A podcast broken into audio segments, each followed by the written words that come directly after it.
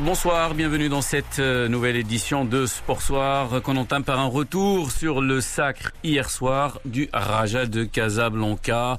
Le Raja qui a décroché son douzième titre national. Il faut dire que le suspense a été à son comble. C'est lors de cette ultime journée, des dernières minutes de cette ultime journée que tout s'est joué entre le Raja et son dauphin et tenant du titre, le Wydad de Casablanca. Jawad Ziyet, président du Raja de Casablanca, était notre invité dans le vestiaire tout à l'heure. Extrait.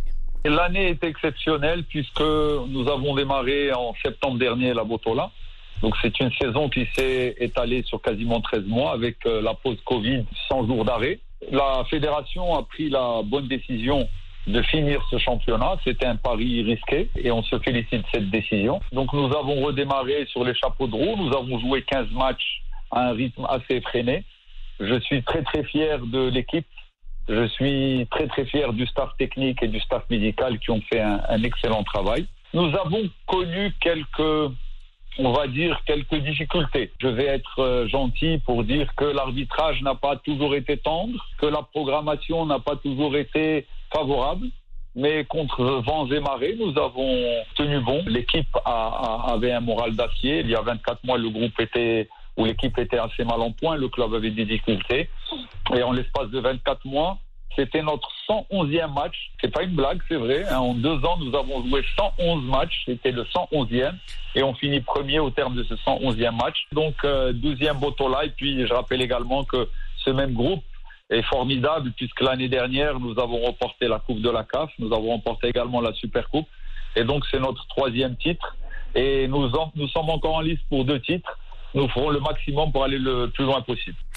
Voilà donc euh, Jawad Ziyet, le président du Raja de Casablanca, qui était notre invité dans vestiaire. Votre rendez-vous du lundi au vendredi, 17h30, 18h sur les ondes de Médien. Jawad Ziyet qui évoquait à l'instant, bien sûr, le programme du Raja. Raja qui doit maintenant se préparer à la demi-finale allée de la Ligue des Champions. Ça se passera dimanche sur la pelouse du complexe Mohamed V et ce sera face aux Égyptiens du Zamalek du Caire. L'autre club Kerot El Ahli sera aussi à Casablanca pour croiser le Wydad. Ce sera samedi soir. Toujours au sujet du Raja, l'Union arabe de football annonce la reprise de la Coupe arabe des champions, la Coupe Mohamed VI. Dans son édition 2019-2020, l'Union arabe est en contact avec les quatre demi-finalistes avant de fixer une date à ces rencontres, précise l'institution dans un communiqué. Je vous rappelle que le Raja reçoit en demi-finale retour les Égyptiens d'El Ismaili après une défaite 1-0 à l'aller.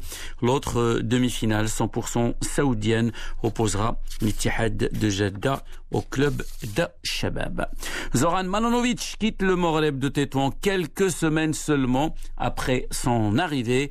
Le Serbe, ancien coach du Wydad de Casablanca, a démissionné de son poste à la tête du mat. Selon plusieurs sources, Zoran Mananovic devrait rejoindre le club soudanais d'El Hilal.